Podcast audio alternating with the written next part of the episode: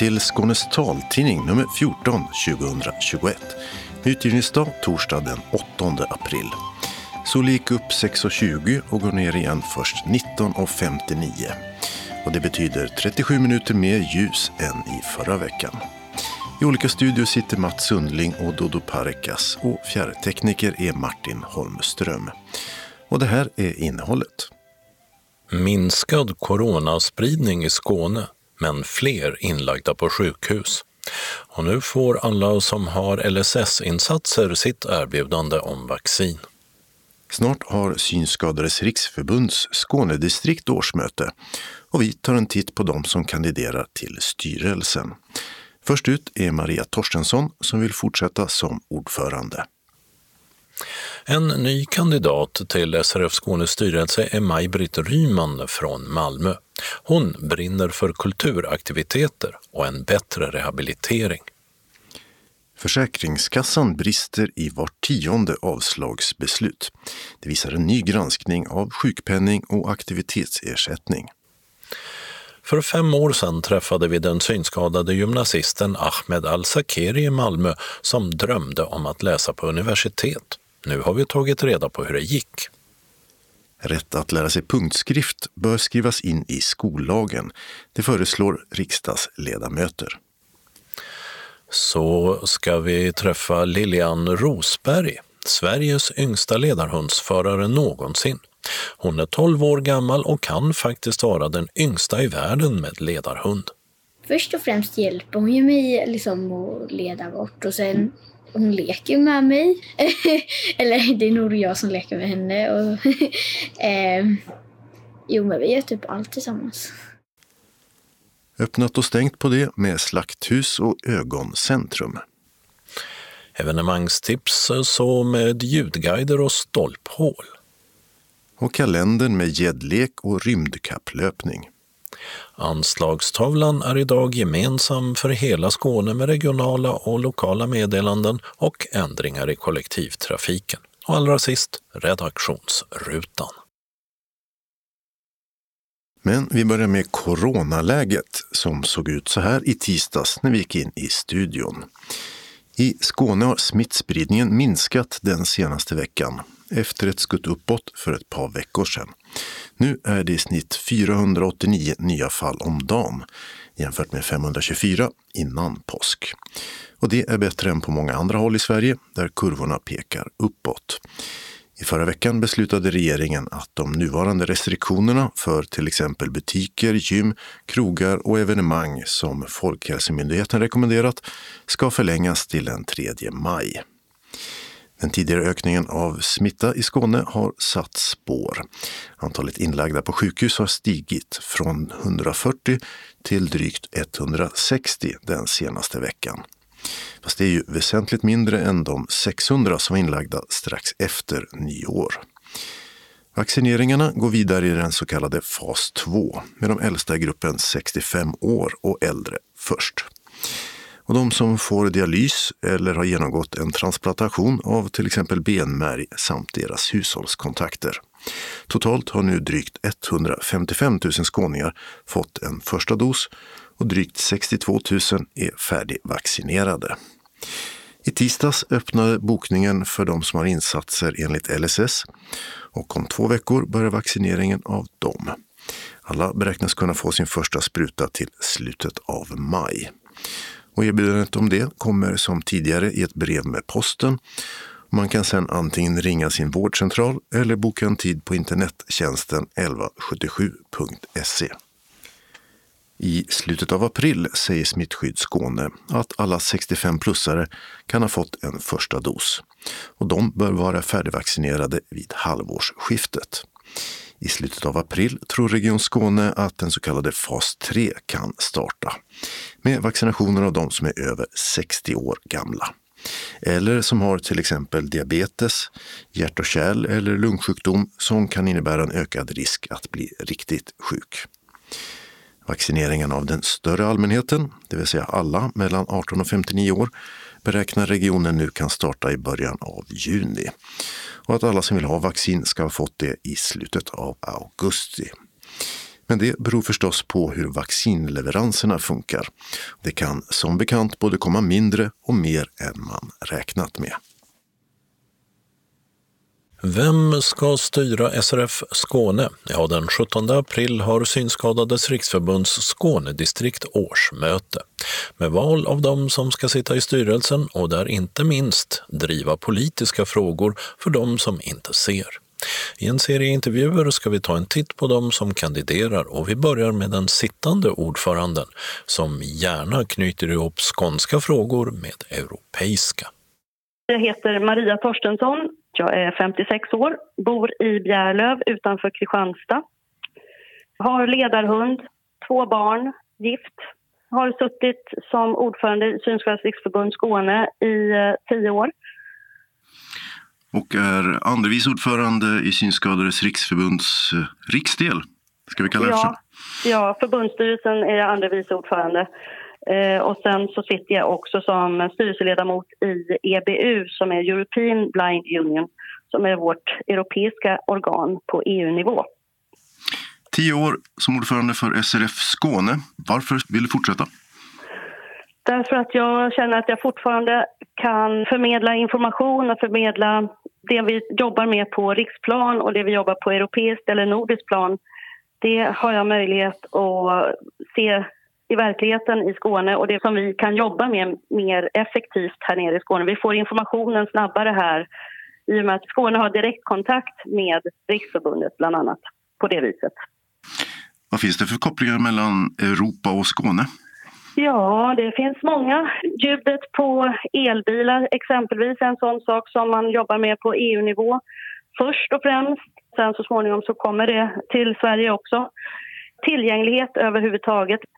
Punktskrift, det kan vara att man ska ha tillgång till böcker från hela världen, att man ska kunna låna dem på biblioteket.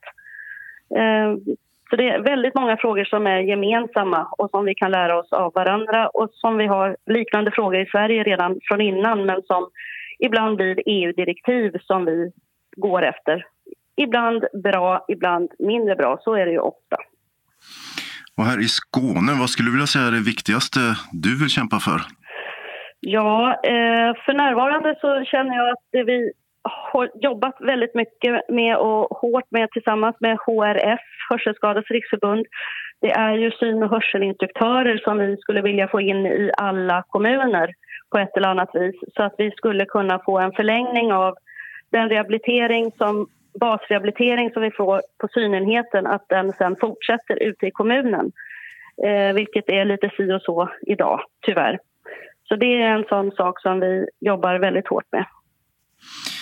Synskadades riksförbund eh, kräver att vaccinationerna mot covid ska prioritera eh, människor med grav synnedsättning. Och eh, ledsagning och kallelser har fungerat för dåligt, tycker man där i Sverige i stort. Vad säger du? Ja, det har det ju. Om man har fått en kallelse så har man fått den i svartskrift eventuellt. Och är man gravt synskadad så är det svårt att få svartskrift meddelanden eller brev på det viset. Och det man tycker då på Riksförbundet det är att gravt synskadade ska ha förtur till eh, vaccinationen. Och det är ju av den anledningen att vi har ju inte en möjlighet att hålla de här distansen på en och en halv meter om vi inte hör att det är folk i närheten. Så att, eh, jag tycker väl att det är en ganska så självklar sak att vi borde ha haft redan från första början. Folkhälsomyndighetens eh, Anders Tegnell har svarat att det skulle vara tänkbart men det finns många att ta hänsyn till och att det skulle bli ja, för krångligt ungefär i mm. nuläget att eh, prioritera synskadade. Mm. Jag förstår att de tycker det och det som är en av anledningarna tror jag att man tycker att det här skulle vara krångligt det är ju att det finns ju inget register på vilka som är gravt synskadade i Sverige. I alla fall inget offentligt register så att i kommunerna så vet man inte vilka det är som är gravt synskadade. Så att eh, på så vis så tror jag att det kan vara, bli svårt att säga vilka som, som ska få det här vaccinet då och inte i förtur. Utan det, av den anledningen så tror jag att det är så här, att man tycker så. För ett år sedan så ställde jag frågan där om du tyckte intressepolitiken för synskadades del, om det gick framåt. Det vill säga era intressen blir eh, tillvaratagna i politiken och i samhället. Bakåt, sa du då? Eh, ja, vad säger du nu ett år senare under de här omständigheterna? Ja, det är lite olika olika frågor. En del frågor har vi fått mer belysta. Eh, ledsagning är ju en sån sak som vi har jobbat med mycket på riksplan och över hela landet. Punktskrift, att få in punktskriften i eh, lag, som lagstadgad rätt, det har vi ju inte fått igenom ännu. Och det är ju en sån sak som jag vet nu har lagts in några motioner. Eh, till, till riksdagen då, ja. Mm. Ja, precis. Så att, och där kan man ju hoppas på att, att det kan gå lite mera framåt. Men samtidigt så är det så här att det har varit ganska svårt att få till möten. Så småningom har det blivit Teamsmöten och så vidare, digitala möten då. Men, eh, men det går ganska trögt. En, en sak som är positiv är naturligtvis att, att kunna använda samhällstjänster digitalt ska nu från i sommar bli mer eh, möjligt för alla, eh, även för synskadade. Så att det är väl en sak som har gått framåt. Mm. På EU-nivå ska vi säga då, det är EU-direktiv som... Ja, det är ett EU-direktiv, exakt. Det är ett EU-direktiv. Så att i detta har ju då European Blind Union varit involverad i en gång. Så att så är det. Sa Maria Torstensson som alltså är ordförande för SRF Skåne och kandiderar för ett elfte år som det. Reporter var Mats Sundling. En annan av kandidaterna till SRF Skånes styrelse är 66-åriga Maj-Britt Ryman som kommer från Bergslagen i Västmanland men bott i Malmö i snart tio år.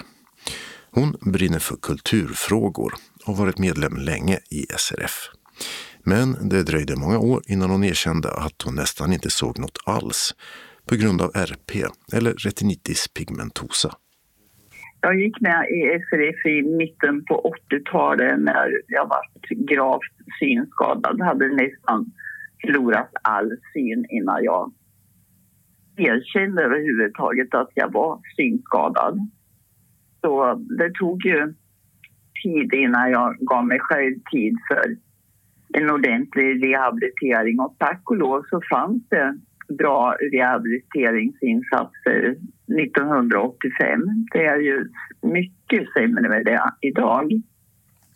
Och är det också en fråga du vill jobba med då inom SRF-distriktet? Den frågan måste vi driva genom hela vår organisation. Habilitering för barn, rehabilitering för vuxna, vi måste driva färdtjänsten, vi måste driva alla våra intressepolitiska områden. Så enskilt eh, är det här en fråga som inte är så lätt att driva utan driva den nationellt och eh, i distrikten, i lokalföreningarna hela tiden för att vi inte ska tappa mark. Det här att du vill vara med i SRFs styrelse, hur kommer det sig? Ja, främst är det väl mitt kulturella intresse och mitt intresse för medlemmarna och medlemsverksamhet.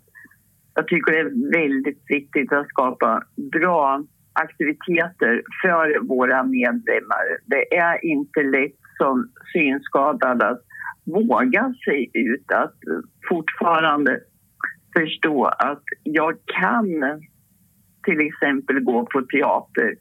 Jag kan eh, gå på bio. Jag kan delta på en konstutställning. Jag är inte utestängd ifrån kulturen och medlemsverksamhet.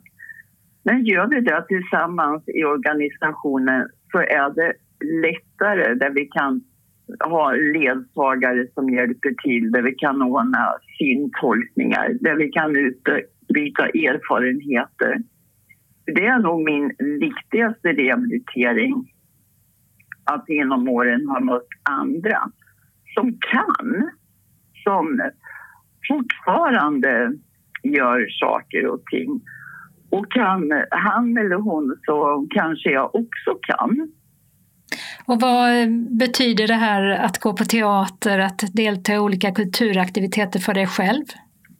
Ja, det betyder jättemycket.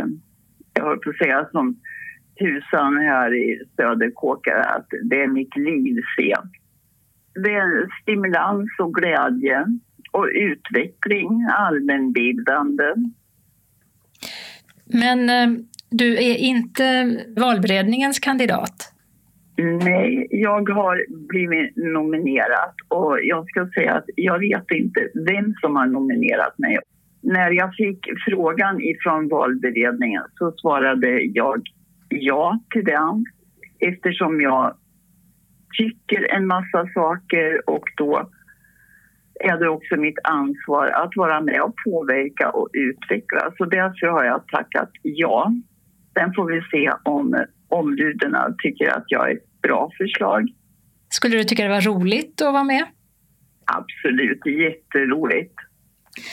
Sen har det här året varit eh, speciellt med coronapandemin som har ställt till det på många håll. Vad har det inneburit för eh, SRF? För våra medlemmar har det ju varit ett väldigt tråkigt år. Jag sitter ju med i AG Kultur och fritid och även i styrelsen i SRF Malmö, Svedala. Och där har vi ju haft planering framåt hela tiden under, sen coronan kom. En del saker har vi ju kunnat utfört men mycket har vi fått ställt in. Nu har vi lyckats med Teams aktiviteter. Och som exempel på aktiviteter som genomförts på Teams nämner Maj-Britt Ryman en författarträff Rösten bakom talboken, en utbildning i tovning och nu senast en kurs om berättarglädje. Och hon tror att man även när pandemin är över kommer att använda sig en del av till exempel Teams för att fler ska kunna delta i olika aktiviteter. Jag kan ju se i framtiden att vi har Teams-möten samtidigt som vi har fysiska möten också. Orkar du inte åka till en aktivitet så kanske du kan delta via Teams fast en del av oss träffas fysiskt på plats. Vi får väl se hur tiden kommer att utvecklas men att kunna tova på distans det visar ju att eh, det mesta går. Det är väl bara fantasin som sätter stopp. Men de fysiska mötena, längtar du efter dem? Absolut. Det ger ju väldigt mycket mera. Och jag tycker att det är roligt att skapa aktiviteter i små grupper, i större grupper, att göra resor, att eh, möta folk vid syntolkningsaktiviteter så här. Så att eh, det saknar jag verkligen. Och om du nu kommer med i styrelsen, vilken blir din roll där tror du? Eller vem blir du i styrelsen? Ja, jag tänker ju först att jag blir en kvinna till. Idag är det ju två kvinnor i styrelsen och eh, för jämställdhetens skull så är det ju bra om eh, det kommer en kvinna till i alla fall. Jag hoppas jag kan eh, sprida glädje och skapa bra aktiviteter ser fram emot ett bra samarbete. Och det hoppades Maj-Britt Ryman, en av kandidaterna till SRF Skånes styrelse. Reporter var Åsa Kjellman Erisi. Och valen hålls alltså den 17 april och i nästa nummer hör vi de andra som kandiderar. Försäkringskassan har avslagit sjukpenning och aktivitetsersättning utan att ha utrett ärendena tillräckligt. Det konstaterar Inspektionen för socialförsäkringen, ISF, i en ny granskning som publicerades i förra veckan.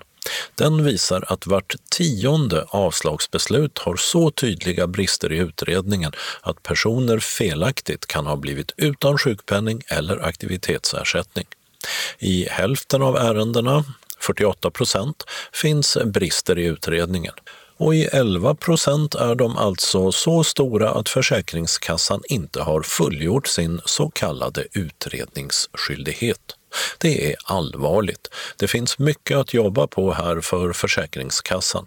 Det här drabbar i slutändan enskilda personer som är helt beroende av den här typen av ersättning. Det säger ISFs utredare Louise Grönqvist till SVT. Aktivitetsersättningen ska vara ett stöd för personer mellan 19 och 29 år med sjukdom eller funktionsnedsättning. Det ges medan man till exempel undersöker om det går att få ett jobb med lönebidrag. ISF har tidigare konstaterat att Försäkringskassan kan ha tolkat lagen för hårt och att hela 40 procent av de som nekades aktivitetsersättning tvingades söka försörjningsstöd medan var femte hamnade hos Kronofogden. För fem år sedan träffade vi Ahmed Al-Sekeri som då gick näst sista året på Pauli gymnasium, numera Pauliskolan i Malmö. Med hjälp av en anpassad dator, elevassistent och en stöttande lärare kunde han följa studierna och drömde om att komma in på universitetet. Så blev det också, men vägen dit har inte varit spikrak.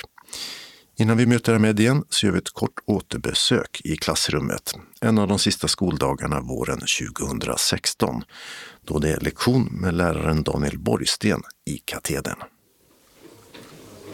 Eh, jag har ju en grav synnedsättning och i vänstra ögat kan jag knappt se någonting förutom rörelse.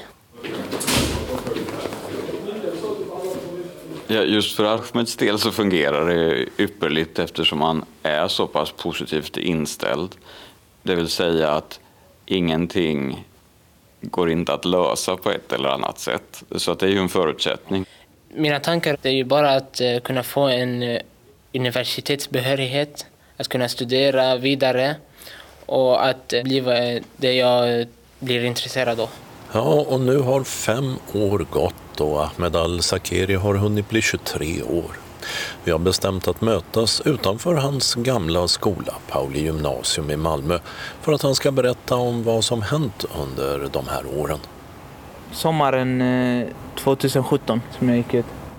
Så det är lång tid som har gått. Har du varit tillbaka hit till skolgården sedan dess? Nej, Nej det är första gången som jag är tillbaka nu. Man, man känner det gamla, gamla känslan. Välkommen tillbaks, kan jag säga till mig själv. Vad har hänt sen uh, sist? Min tanke var socionom först av allt. Men uh, nu var det så höga poäng. Jag sökte socionom trots det.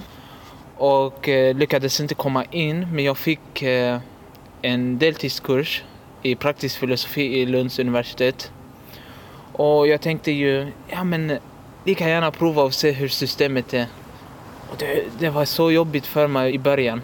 Mycket mer läsning, mycket mer personal som du ska ha kontakt med. Lärarna först av allt, för det är olika lärare, det kan vara fyra, fem stycken. Sen behöver du ha kontakt med den som är ansvarig för pedagogiskt stöd.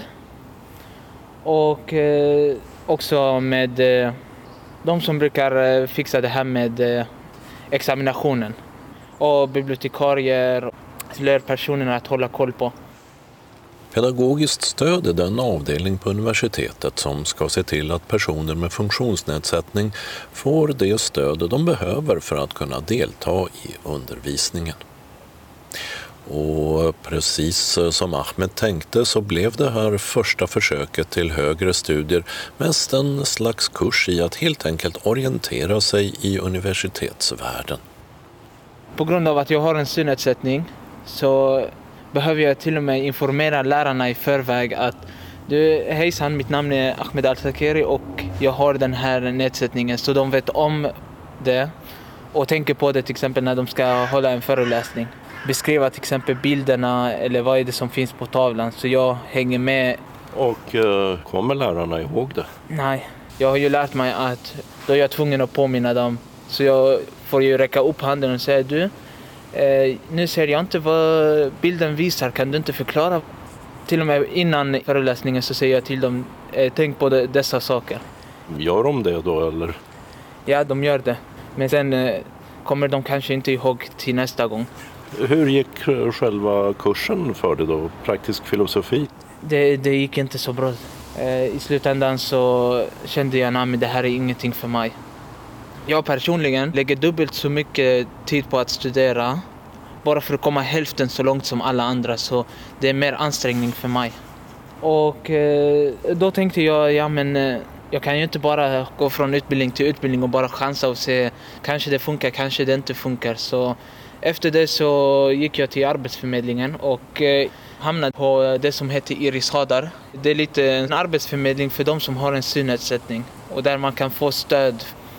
Och via Iris Hadar så fick Ahmed Al-Zakeri en praktikplats på Erikshjälpens loppis. Sen eh, provade jag på olika uppgifter. Först var det klädesplagg, sen hamnade jag på böcker, där eh, sätter man pris och sådär. Och sen eh, hamnade jag på gåvomottagningen. Jobbet var ju intressant och så, men jag kände inte att det här med arbetet håller på att gå framåt. Så det här med studierna måste jag komma igång med igen. Så nästa steg blev Fridhems folkhögskola i Svalöv för att läsa upp sig bland annat i svenska. Och under tiden medan jag läste det så kunde jag också anmäla mig till högskoleprovet och göra det för att eh, öka mina chanser att kunna komma in på utbildning. Och samtidigt som han anmälde sig till högskoleprovet så sökte Ahmed till förskollärarutbildningen vid Malmö universitet och kom in utan att ha gjort eh, provet. Då tänkte jag men det här med förskollärare skulle passa eller läraryrket för att jag är väldigt social. Så jag ska ju inte sitta framför en dator utan jag ska vara med folk och hjälpa till med det här med att arbeta och utveckla individer. Var är du nu i, i den utbildningen? Just nu så är jag i andra terminen. Vilket innebär att undervisningen varit på distans ända sedan Ahmed påbörjade utbildningen. Föreläsningar och tentamina sker på nätet, undervisningsmaterial skickas ut digitalt och eftersom han bor kvar hemma är det där han pluggar. När det är dags för tentamen behöver han extra tid, precis som när han gick i gymnasiet. Och det visar sig att när stödet inte fungerar så kan det ofta vara väldigt enkla saker som det rör sig om. Som att texter skickas ut i pdf-format som hans skärmläsare inte kan läsa och att universitetets bibliotekspersonal då får hjälpa till med konverteringen. Avdelningen för pedagogiskt stöd har satt samman en lista över vad Ahmed behöver för att studierna ska fungera för honom. Och eh, jag märkte sen att vissa av lärarna läser ju inte hela dokumentet. Jag pratade lite med någon som jobbar på eh, Synskadades riksförbund om det problemet och han gav mig tipset att jag skriver en dokument där jag beskriver lite om min eh, funktionsnedsättning och nämner de här viktiga punkterna som måste tänka på. Jag har också pratat med prefekten om just det här problemet att eh, vissa av lärarna glömmer bort. Det blir ju inte rättvist för mig. Jag kan ju inte ta del av informationen. Och eh, jag nämnde till honom, är det så att ni behöver stöd eller hjälp med detta så kan ni alltid ta kontakt med SRF eh, som kan kanske utbilda lärarna och ge dem tips och råd på vad är det de kan tänka på när de ska hålla en föreläsning. Det låter som om du måste ta ganska mycket ansvar själv för de här sakerna för att det ska fungera för dig. Ja, det, det stämmer ju. Jag måste alltid ta kontakt med alla lärarna. Så det, jag gör ju det mesta dels av arbetet och skickar mejl och sådär. Bara för att det ska vara så anpassat för mig som möjligt. Man kan väl säga att man måste ofta ta ganska mycket egna initiativ för att förklara och eh, sedan också få undervisningen att fungera på olika sätt. Det här är Lennart Karlsson, intressepolitisk handläggare på SRFs rikskansli i Stockholm och med just högskolefrågor på sitt bord. Och han känner igen Ahmed Al-Sakeris erfarenheter. Det varierar ju naturligtvis väldigt mycket beroende på vilken högskola man Eh, går på och hur lärarna på den specifika utbildningen också tar sig an att göra undervisningen tillgänglig för alla. Men det finns ju avdelningar på universiteten, på högskolorna, personer som arbetar med de här frågorna. Och vem är det som ska se till att lärarna har rätt information om studenter som har en funktionsnedsättning så att de kan anpassa undervisningen? Är det studenten själv eller är det de här speciella avdelningarna? Det ska ju finnas samordnare när det gäller studenter med funktionsnedsättningar på alla lärosäten. Och de har ju just en samordnande roll och, och kan definiera vilken typ av hjälp en student kan behöva. Men sen så gäller det att få det att fungera sedan ute på institutionerna på ett universitet. Och det kan variera väldigt mycket. Ofta är kunskapen hos lärare på högskolan ganska dålig om vad det innebär att eh, ha en synnedsättning och vad som är svårt och hur de kan göra för att underlätta. De fokuserar på sitt ämne och eh, det är det som är huvudsaken. Men är det då studenten själv som förväntas komma med den här informationen? Alltså, problemet är ju att eh, varje högskola, varje universitet är ju självstyrande i det här så att eh, det finns inga nationella riktlinjer exakt hur det ska se ut. De löser det på lite olika sätt men egentligen borde det finnas ett eh, gemensamt sätt att jobba med sådana här frågor. Det vill säga att det borde ju vara så att om man nu har en funktionsnedsättning och har kontakt med samordnaren så borde man också få ett stöd i kontakten vidare med lärare och ledning för den utbildning som man ska gå. Alltså, så att man slipper förklara allting själv och försöka driva sin egen sak, för det är inte lätt. Och, och min erfarenhet själv från när man har pluggat på högskola är man får ofta ganska lite förståelse för de speciella svårigheterna som man möter. Men hur skulle detta kunna gå att lösa? Vad måste man göra, tycker SRF? Vi tycker ju att eh, UHR, Universitets och högskolerådet, skulle ha mycket starkare mandat att driva på i de här frågorna för lika möjligheter på högskolorna och att sättet att jobba borde vara mer lika på högskolorna och att man skulle ha gemensamma riktlinjer för hur man ska jobba för att inkludera studerande med funktionsnedsättning. Och att kanske att det ska vara en standard när man vet att det finns en student med funktionsnedsättning i en grupp inför en kursstart då, att man har en genomgång med lärarna och att det finns en skriftlig dokumentation av det. Så att alla vet vad som gäller när eh, kursen startar. Då skulle ju inte man som enskild student behöva driva på och känna att man kräver en massa saker eller upplever att man är besvärlig eller att eh, man kanske ställer krav som man upplever att lärarna inte, inte gillar eller så. Ja du, det har jag en plan B. Eh, jag, jag, tänker ju att eh, ifall det inte skulle funka med det här så får jag tänka till och tänka om och se något annat. Annars får jag, för jag tycker ju att det här med lärare skulle funka. Antingen grundskollärare eller förskollärare. Jag, jag är ju optimistisk när det gäller det här med att eh, undervisa barn. Det sa Ahmed Al-Sekeri som läser på Malmö universitet till förskollärare. Vi hörde också Lennart Karlsson, intressepolitisk handläggare på SRFs rikskansli i Stockholm och reporter var Dodo Parikas. Och i löpsedeln på vår hemsida till det här numret finns en länk till intervjun med Ahmed från våren 2016. Rätten att lära sig punktskrift bör skrivas in i skollagen. Det föreslås nu i tre motioner till riksdagen som tas upp för debatt och beslut nu i veckan. Riksdagsledamöter från tre olika partier står bakom kravet som Synskadades riksförbund drivit i många år. Skolorna brister ofta i undervisningen i punktskrift för synskadade elever och antalet punktskriftsanvändare har sjunkit.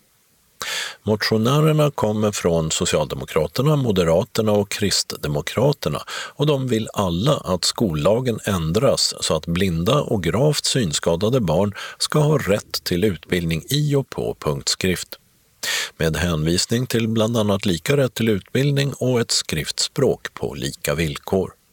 Motionerna kommer från den allmänna motionstiden och ingår i utbildningsutskottets betänkande Lärare och elever. Men eftersom utskottet yrkar avslag ser det inte ut som om skollagen kommer ändras den här gången. På torsdag den 8 april går riksdagen till beslut. Nu ska vi träffa Sveriges yngsta ledarhundsförare någonsin. Hon heter Lilian Rosberg, bor i Falkenberg och är 12 år gammal. Hon kan mycket väl vara yngst i världen med ledarhund. Den köpte familjen till henne eftersom man enligt lag måste ha fyllt 18 år i Sverige för att få en ledarhund från Synskadades riksförbund. Alltså det går typ inte. Det, har- det har liksom gått från... Eh, det är typ eh, från svart till vitt ungefär. Det, det är jättestor skillnad. Ja, att livet kan gå från svart till vitt när man får sin första ledarhund, det kan nog väldigt många ledarhundsförare skriva under på. De flesta ledarhundsförare får sin första hund i 20-årsåldern sådär. Men hur skulle det vara om man fick sin hund mycket tidigare än så? I Falkenberg där finns Lilian Rosberg. Hon är 12 år gammal och är världsunik. Hon är Sveriges och förmodligen också världens yngsta ledarhundsförare. I Sverige har det aldrig någonsin funnits en så ung person med ledarhund. Och det här har ju naturligtvis då gjorts möjligt genom att familjen har valt att köpa sin ledarhund. För enligt ledarhundslagen så måste man vara 18 år innan man kan få bli tilldelad en ledarhund. Men det här vill jag ju självklart veta mer om. Så jag tog tåget till Falkenberg trots pågående coronapandemi för att träffa Lilian, mamma Camilla och dressören Anette Johansson från DISA. Ja. Hej! Hej, vad kul! Välkommen till eh, Falkenberg. Tack! Och sol har ni också. Ja, eller hur? Det är helt magiskt. Det var Ja. helt eh, filtgrått igår. Ja, jag har inte sett solen sedan jag ventinär. Nej. Här har vi... Halloj! Det var dock väldigt oväntat att det skulle bli just Lilian som blev Sveriges yngsta ledarhundsförare. Hon har nämligen varit väldigt rädd för hundar. Men det skulle ändra sig nästan över en natt. Mamma Camilla bestämde sig för att anmäla dem till ett ledarhundsläger i Skåne där de fick möjlighet att prova på att gå med ledarhund och bekanta sig mer med dessa fyrbenta hjälpmedel. Och Lilian blev omvänd. Jag var ju innan jag fick eller träffa ledarhundar så var jag jättehundrädd. Och då ville ju mamma att jag skulle gå på ledarhundsläger för hon tyckte att det lät, roligt och det hade kunnat bli lite som en så här, hjälp för mig så att inte jag är lika rädd för hundar längre. Och då så här, var jag lite skeptisk först. Så eh, lärde jag känna hundarna lite. Och då eh, efter ett tag så blev jag inte alls rädd. Alltså, Men du säger att du var rädd för hundar innan. Vad, vad var det som gjorde att du var rädd för hundar? Då? Hade du dåliga erfarenheter av hund innan? Eller? Ja, dålig erfar erfarenhet och eh, att eh, jag, det är liksom... Jag, jag har haft... Det har liksom... Ja, jag vet inte, jag, jag har bara varit rädd för dem liksom. Hur var det på det här lägret då när du fick börja träffa alla, alla ledarhundarna? Hur kändes det då? Mm, jo, men det, det kändes... Alltså det kändes verkligen eh, skönt att testa att gå med en ledarhund. För det, jag blev så förvånad hela tiden att, att eh, hundarna var så smarta och att de kunde så mycket. Anette Johansson levererar ledarhundar till SRF genom sitt företag DISA, Dogs in Service and Aid. Tillsammans med två kollegor driver hon också Assistanshundskolan med syfte att ta fram assistans och servicehundar till personer med andra former av funktionsnedsättningar än synskada. Anette var med och arrangerade prova på-lägret som Lilian var med på. Och efteråt så började hon fundera på om det inte skulle kunna vara så att det faktiskt skulle finnas en möjlighet för Lilian att få en ledarhund. Det är ju bara en tillfällighet att eh, jag hade träffat Lilly på den här kursen och jag visste ju om Maj som delvis hade varit hemma hos mig men som fanns hos Emily Reinsson. Och så bara, ja, det bara slog mig eftersom om man säger Lillys mamma och pappa frågade ju lite grann om det här med, med vilken ålder och sådär med ledarhund och så. Och så bara på måndagen och då hade jag tagit reda på det för jag var inte säker på, för det var ju lite den här frågan, kan man ställa sig i kö kanske innan 18 års ålder? Mm. Så att man verkligen typ kan få hunden på 18-årsdagen ungefär. Eh, och då hade jag precis fått svar och så skickade jag det till uh, Lillis mamma och sen så bara när jag gick där och tänkte så tänkte jag men herregud vi har ju en hund här som hade varit perfekt för då hade jag ju sett Lilly på den här helgen eller på det här lägret då och sett hur hon hade gått med mina hundar och hur hon gick och att hon liksom verkligen bara ja, pang anammade allting helt enkelt. Så att eh, ja, det var så det gick till helt enkelt. Vad var det som gjorde då att du tyckte att just den här hunden skulle vara perfekt för Lilly? Nej, men lite så som eh, Lilly hade sagt också. Hon gillade ju inte de här eh, lite eh, för påträngande och livliga hundarna. Och det här är liksom lite mer en... Samtidigt så hade ju Lilly en, en, en bra fart när hon gick. Så att det gällde ju då att egentligen bara ha rena turen kan man ju säga. Att det fanns en hund som för det första är inte så stor eh, och för det andra lite vän men ändå med en, en bra eh, hastighet så att säga. Så att, det, att jag trodde att det skulle kunna funka. Och det gjorde det verkligen. Men eh, hur, hur tänkte du just kring en eh, kombinationen av 12-åring och, och ledarhund? För det är lite speciellt. Ja, det är det ju. Och då tänker jag ju dels att det måste ju bero på att den personen eh, känns vettig och mogen och, och vill och är nyfiken på att lära sig. Men givetvis så är ju inte detta som en ledarhund som man gör till en vuxen, att allting ska vara till 100 procent om man får uttrycka sig så. Därför att det kommer hela tiden att finnas någon med på promenaderna. Sen har det ju visat sig nu att det har utvecklats så pass mycket så att de här närmsta ställena som eh, Lilly går mellan, de funkar ju att gå ensam också. Men tanken var ju aldrig att det här ska vara en fullfjädrad ledarhund som man går på stan med när man är 12 år själv. Helt utan sällskap. Samtidigt om två år är hon 14 och kommer kanske inte vilja ha med lillsyrran eller mamma. Nej, och då tror jag att de har växt i rollen tillsammans faktiskt. Så att jag, och det är ju därför jag finns med nu också, så att man kan liksom coacha dem på vägen. Anette ringde upp mamma Camilla för att berätta om Maj och att Maj kanske skulle kunna bli Lilians ledarhund. Hjälp, tänkte jag. Men oj, ja, jag blev jätteförvånad. Men samtidigt så sjönk det ganska snabbt ändå för att jag, jag såg ju på Lilly på le- ledarhundslägret från att vara nästan paniskt rädd för hundar så, så pratar hon i flera dagar efteråt om hur kul hon tyckte det var och att det var så skönt att Annette just ledde henne in i hundarnas värld genom att ta det väldigt sakta och lugnt. Hon fick lära känna hundarna väldigt ja, metodiskt och i en bra ordning. Sådär. Ehm, så Lilly slutade att att vara rädd ganska snabbt. Eller, först blev jag jätteglad och så och sen tänkte jag hur det kommer gå om jag verkligen får en ledarhund. Om det går bra eller om det kommer gå jättedåligt. Vad var du liksom mest orolig för? Som skulle kunna gå dåligt? Det var väl om jag typ skulle råka sabba hunden på något sätt som jag vet inte om hon har blivit upplärd och sen blir hon jag vet inte vad man säger, inte lika upplärd längre på Mm. att jag typ förstört den eller något. Eller så är det nog, jo typ det. Vad var det som du var liksom mest förväntansfull för eller vad man ska säga, inför att få hunden? Men det var ju så här, jag, eh, jag gillar ju att gå snabbt.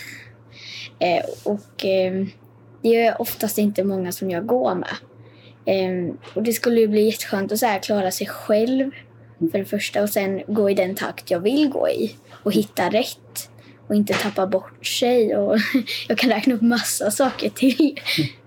Det första Lilly sa det var nästan som en jättesuck. Och det var att Åh, vad skönt mamma. Jag slipper att tänka på om det är en stolpe framför mig eller en människa som jag kommer gå in i. Det var nog liksom det första hon sa. Det, hon sa det så... Ja, det, det kändes rakt in i hjärtat att det var så himla härligt för henne. Jag har också märkt det på det viset att hon går extremt fort. Så jag får nästan cykla efter henne nu när hon är ute och går med Maj. Så det är också en jättestor skillnad. Hon, eh, hon är mycket mer rörlig idag. Även om hon är judoka och är väldigt fysiskt aktiv i vanliga fall. Fast på bestämda tillfällen. Nu kan hon vara fysiskt aktiv hela tiden. Det är jättestor skillnad. Du sa här innan att hon är gladare också. På vilket sätt märker du det? Ja, det, hon skrattar hela tiden. Man hör henne liksom hela tiden när hon håller på och leker med Maj. nu med. Hon börjar fnittra. Ja, nej men de är superkompisar, Maj och Lilian. Det, det är de. Helt klart. Hon har ju sin kompis jämt. Och skulle hon vara ledsen någon gång så märker Maj, Majsan det och springer bort, springer bort till eh, Lilly och lägger nosen på henne så är allting bra En gång var jag igen. jätteledsen. Och då gjorde Majsan en jätterolig grej. Jag satt på golvet och så kom hon in på mitt rum. Och så eh, satt jag på knä och så tog hon upp ena tassen, la på mitt ena knä. Sen bytade hon tass, la på mitt andra knä. Och så höll hon på så. Så nosade hon mig i ansiktet och sen började hon slicka mig i ansiktet. Jag vet inte varför och så började jag skratta. Det, då funkade det alltså? Det, det var lite konstigt men det var ett bra trick. Ja, det var ett väldigt bra trick av henne. Ja. Lurade mig att vara glad. Hon avledde dig verkligen. Det är precis det hundar är bra på utan att fråga en massa dumma saker. För hade jag, som, om jag hade varit din mamma, så hade jag sagt Vad är det? Mm. Precis. Varför blir du sur för det? Eller Ja. är du ledsen? Alltså, då hade jag ju ställt en massa dumma frågor. Ja, precis. När du träffade henne första gången, liksom, när hon kom hem och skulle vara din. Hur var det? Eh, det, det kändes jättebra. Att, eh, alltså jag, jag, jag kunde verkligen inte tro att det var sant. Alltså det, det kändes jättebra för först gick jag ju inte själv med Maj. Men eh, efter ett tag så märkte jag att det gick bättre och bättre och då började jag gå själv fram och tillbaks till mamma och pappa och så. Vad använder du Maj till som ledarhund då?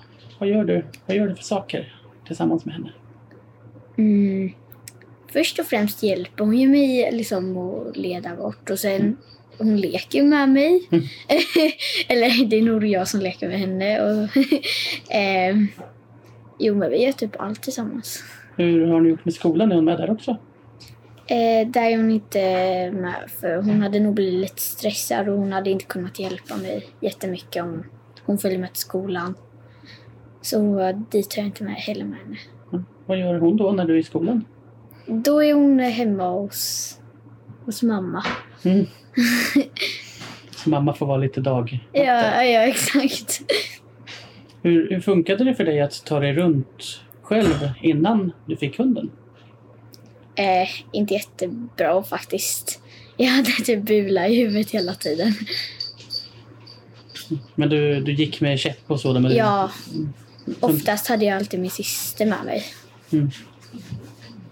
Men om du gick helt själv, kunde du gå så fort som du ville då till exempel? Nej, då gick det ju väldigt sakta. Eh, jag var ganska osäker. Jag visste inte riktigt vart jag skulle gå. Skulle jag verkligen svänga höger här? Eller liksom... Hur är det nu då när du är ute och går själv tillsammans med henne? Om du jämför med innan? Innan gick det ju sakta. Jag var tvungen att ha någon med mig hela tiden. Och så, men nu är det ju liksom... Jag känner ju verkligen att jag kan gå vart jag vill. För jag litar på henne och hon kan leda mig rätt.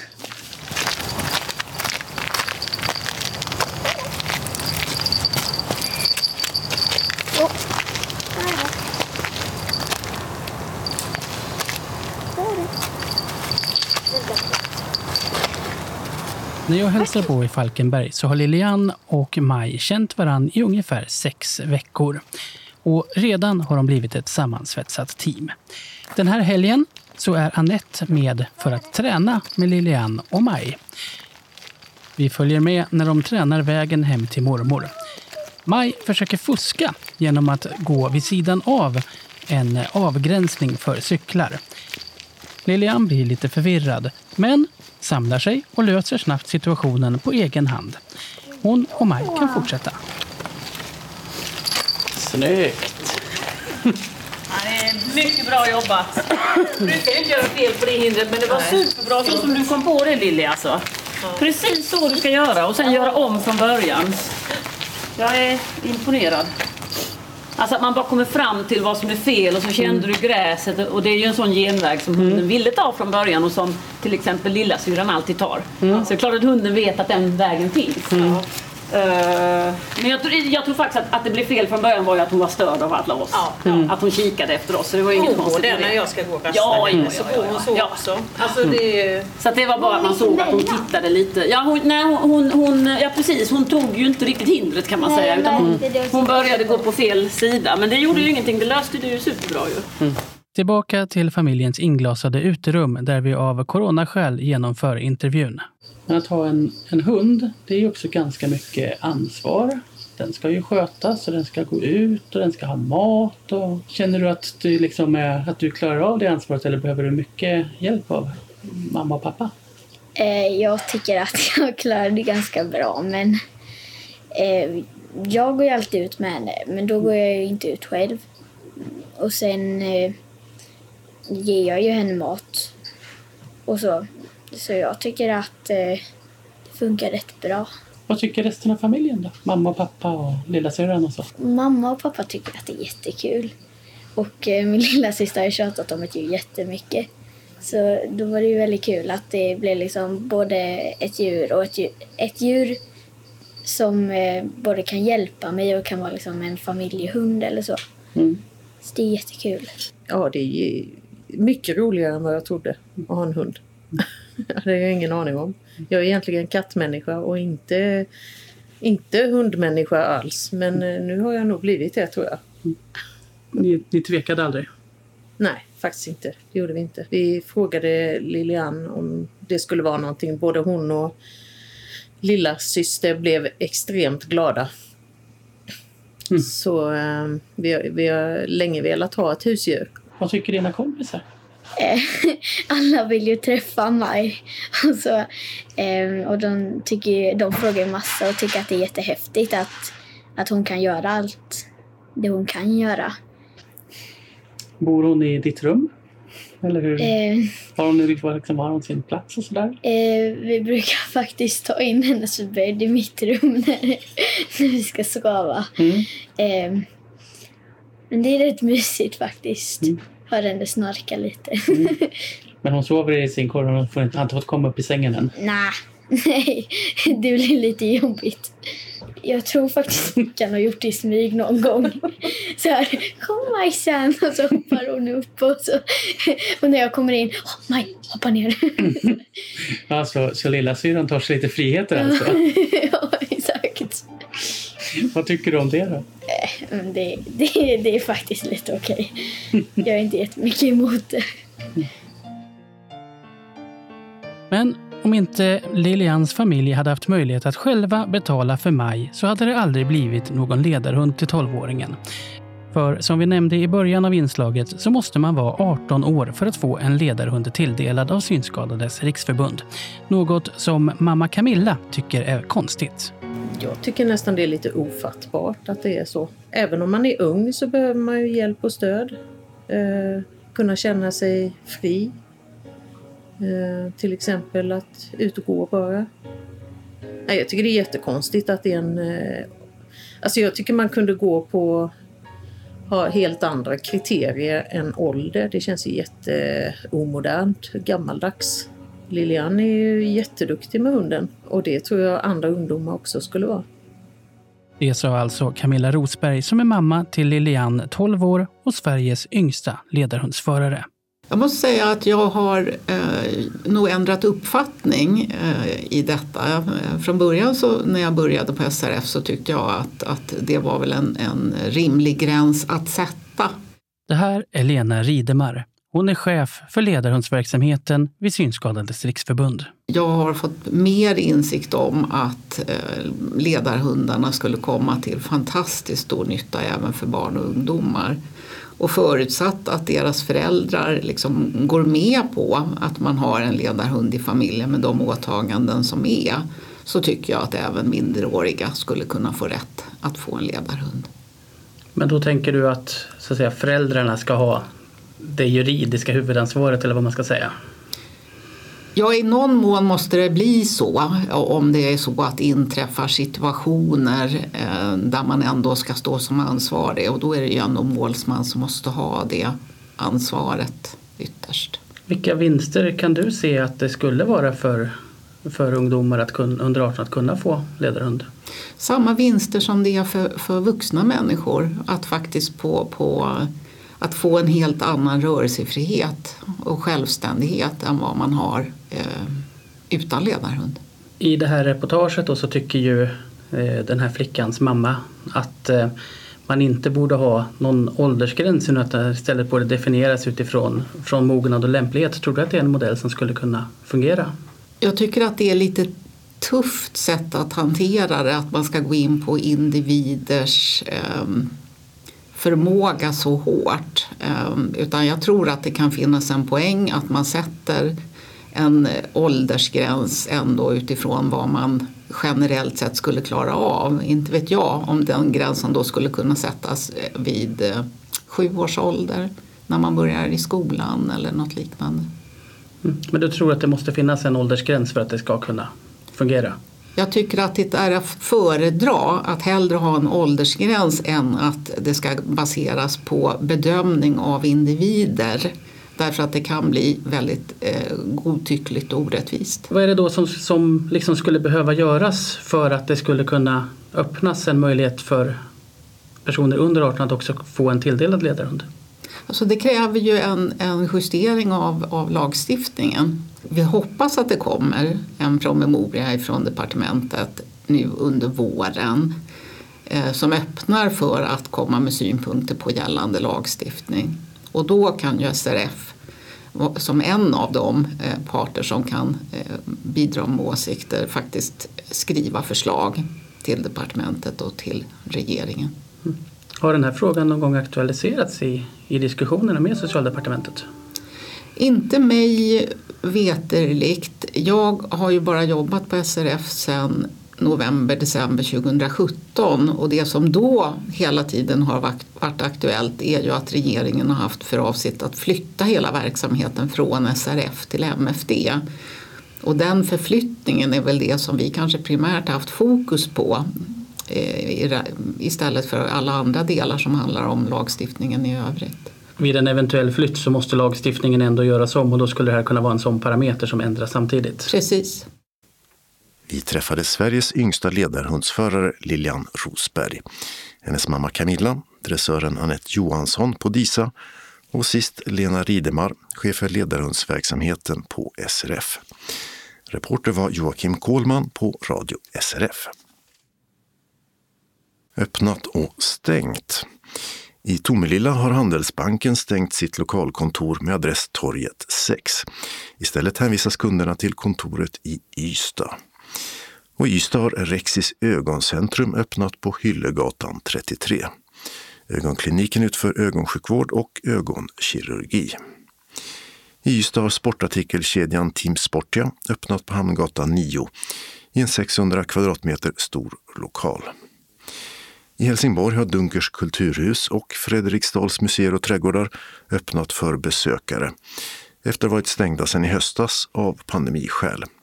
Bägge med begränsningar av antalet besökare och annat.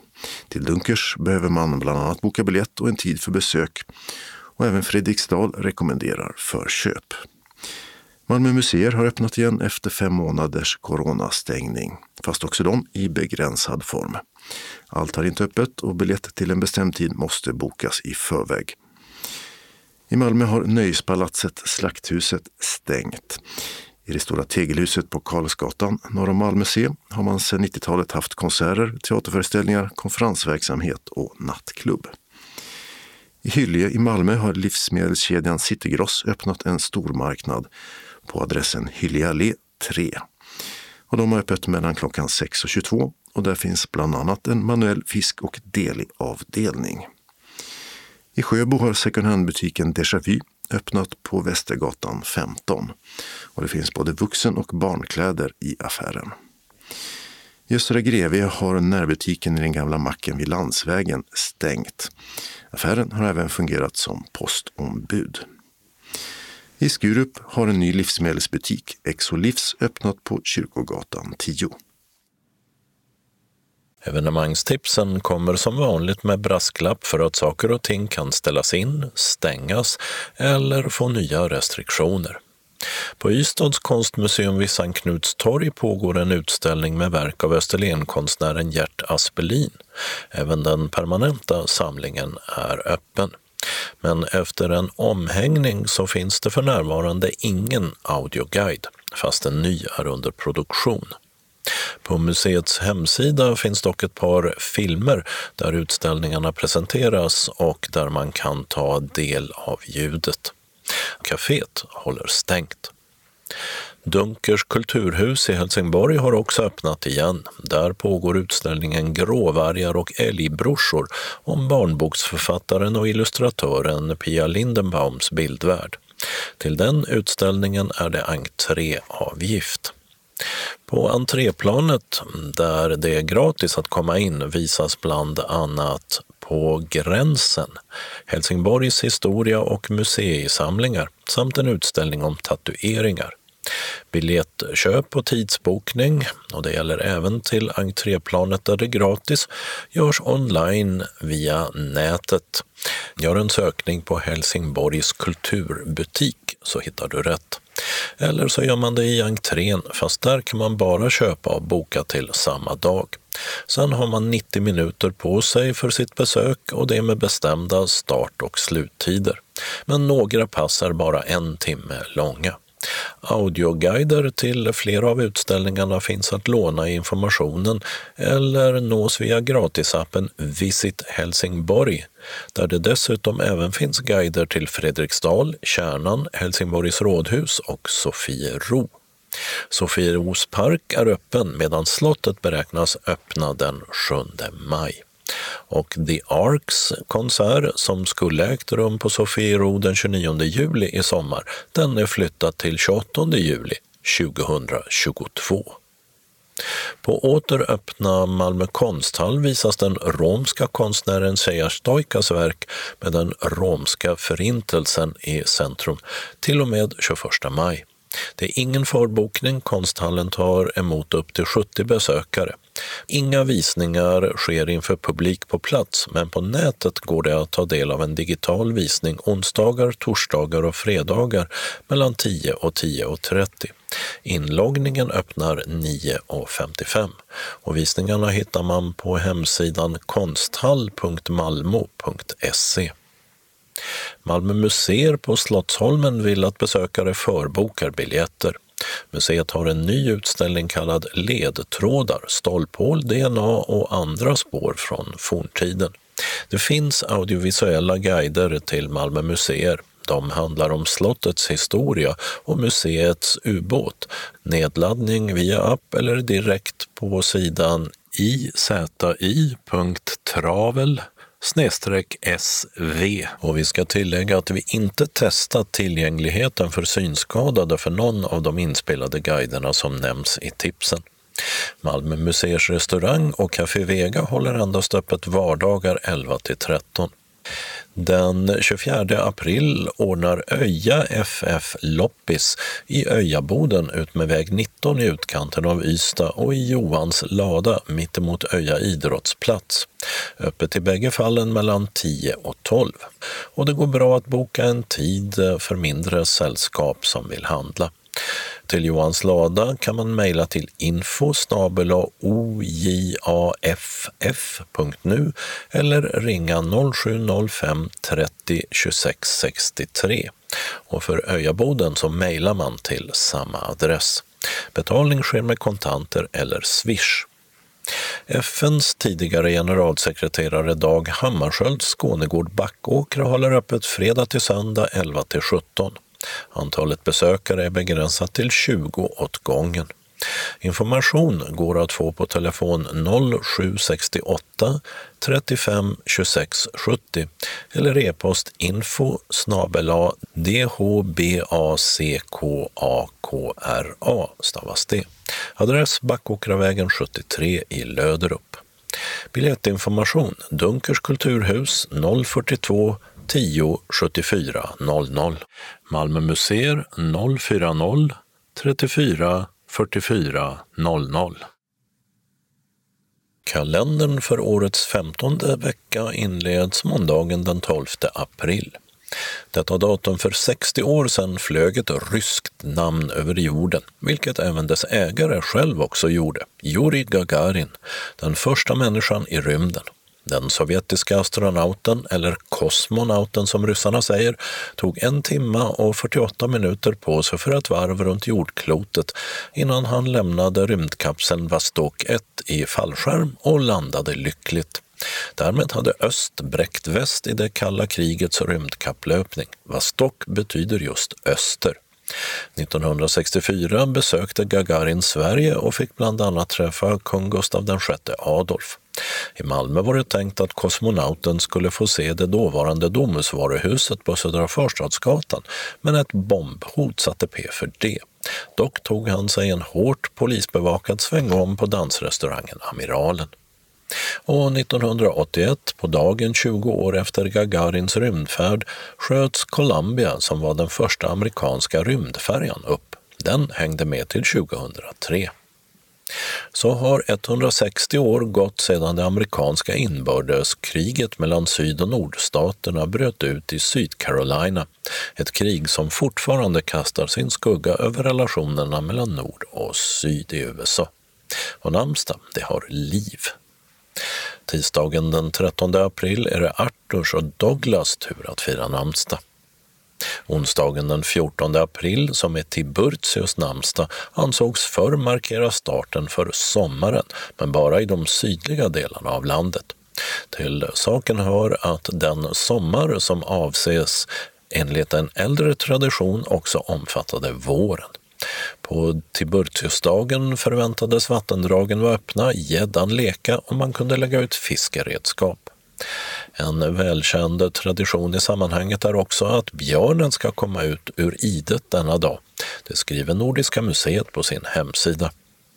1980-talets stora backhopparnamn och flerfaldiga svenska mästare Jan Boklöv blev på sin tid känd och även kritiserad för V-stilen. Det vill säga att hoppet utförs med skidspetsarna riktade utåt så att skidorna formar ett V istället för att skidorna hölls parallellt. Men Boklöv gick segrande ur kritikstormen och idag är hans stil den gängse inom backhoppningen.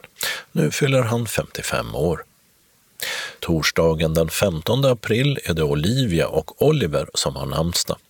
Och det är dags för finansminister Magdalena Andersson att presentera den ekonomiska vårpropositionen, alltså regeringens förslag till riktlinjer för den ekonomiska politiken och budgetpolitiken.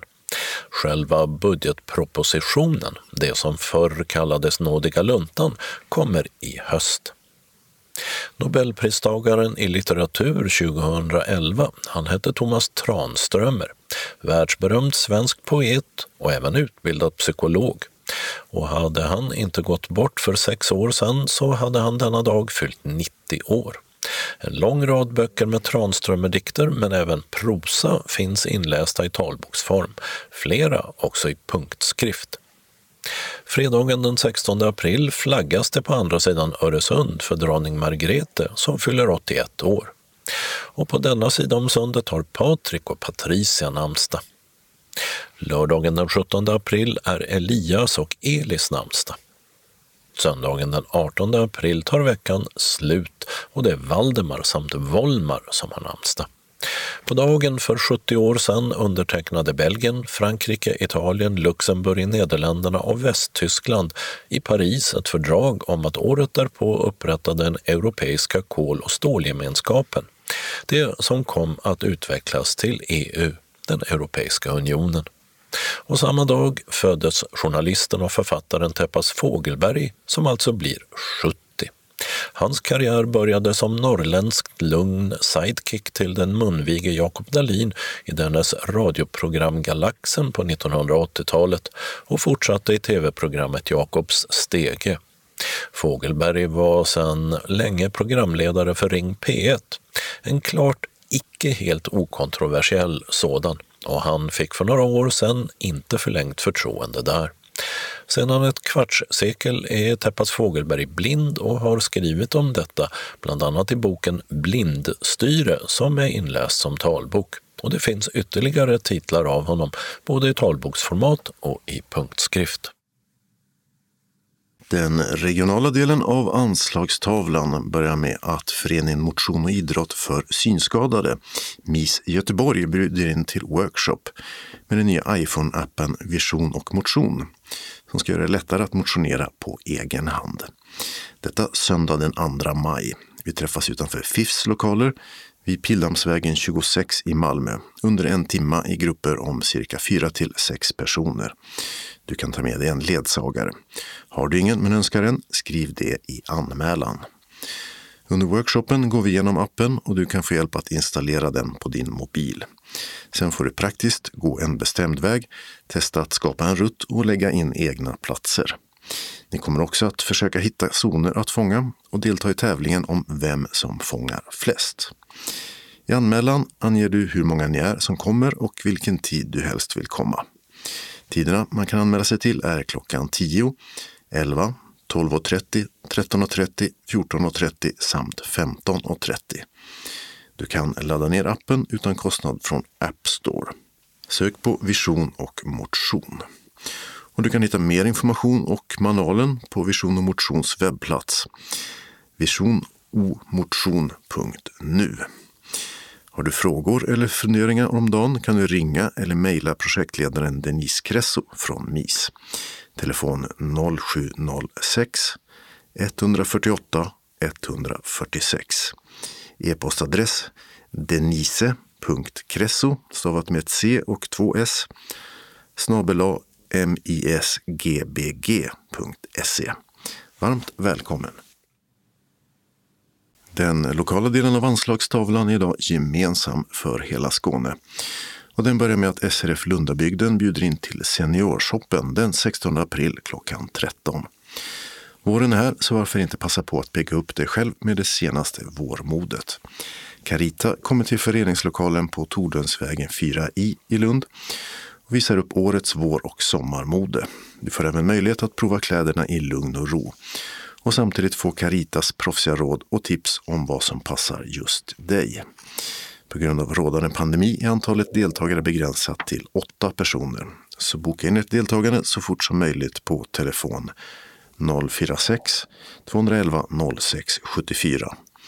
Carita tar emot max två personer i taget. Hon använder både handsprit och munskydd och visir om så önskas.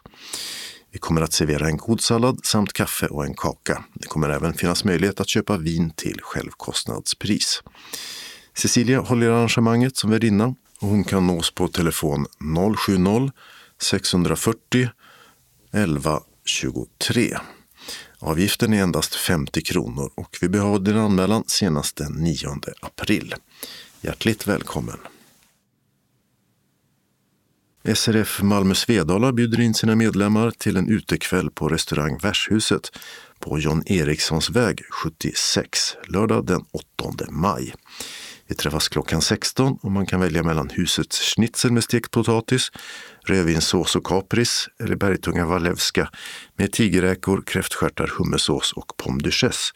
Eller en vegetarisk schnitzel. Då det fortfarande finns restriktioner är det viktigt att vi håller oss till reglerna. Och det innebär max fyra personer vid varje bord. Det finns inga större bord och det är gott om mellanrum mellan borden. Det är inte tillåtet att gå runt bland borden och hälsa på andra deltagare.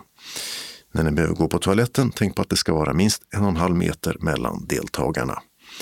Det är av yttersta vikt att vi följer dessa instruktioner så att vi inte riskerar att bli avhysta och restaurangen att bli av med sitt tillstånd. Tänk också på att enligt nu gällande restriktioner slutar alkoholserveringen klockan 20. Föreningen står för kostnaden för maten samt alkoholfri dryck. Folköl och starkare betalar var och en själv. Restaurangen rymmer bara 40 personer så det är först till kvarn som gäller. Medlemmar i SRF Malmö Svedala har företräde. Deltagare från andra lokalföreningar får delta i mån av plats och får själv stå för alla kostnader, även maten. Anmälan kan endast göras per telefon till kansliet. Telefon 040 25 05 40. Tidigaste tid för anmälan är tisdag den 13 april klockan 9 och alltså endast per telefon. Välkommen till en trevlig kväll önskar styrelsen. SRF Sydöstra Skåne meddelar att på grund av pandemin och Folkhälsomyndighetens restriktioner så ser vi oss tvungna att flytta på vår bussutflykt som var planerad till den 9 maj. Nytt datum för utflykten blir förhoppningsvis den 15 augusti. Det kommer att bli samma utflykt som var planerad till maj. Vi påminner er även om vår grillträff som vi ska ha den 3 juli. Mer information om den dagen kommer. Det har gått över ett år sedan vi kunde träffas och det ska bli hur trevligt som helst. Håll i, håll ut och vaccinera er, hälsar Jonny Ekström för styrelsen i SRF Sydöstra Skåne. SRF Västra Skåne har en inbjudan till alla medlemmar i Helsingborg, Höganäs, Landskrona och Svalöv. Det är månadsmöte tisdag den 13 april klockan 14 till 15. På det ska vi ta upp förslag på aktiviteter för juni, juli och hösten med förhoppningen att vi ska kunna träffas igen. Mötet äger rum som en telefonkonferens med möjlighet för 30 personer att delta. Anmäl dig till kansliet på telefon 042 15 83 93 eller e-posta srf.monica med ett k telia.com. Efter anmälan får du telefonnummer och deltagarkod. Och om du inte har möjlighet att delta men vill lämna ett förslag på en aktivitet, utflykt eller resmål får du gärna höra av dig. Så har vi ett referat om rösten som gav mer smak. SRF Skånes första litteraturträff detta året hölls på distans den 20 mars och lockade drygt 25 deltagare. De fick lyssna till talboksinläsaren Dodo Parkas när han på lördagen berättade om sina många år som inläsare av böcker.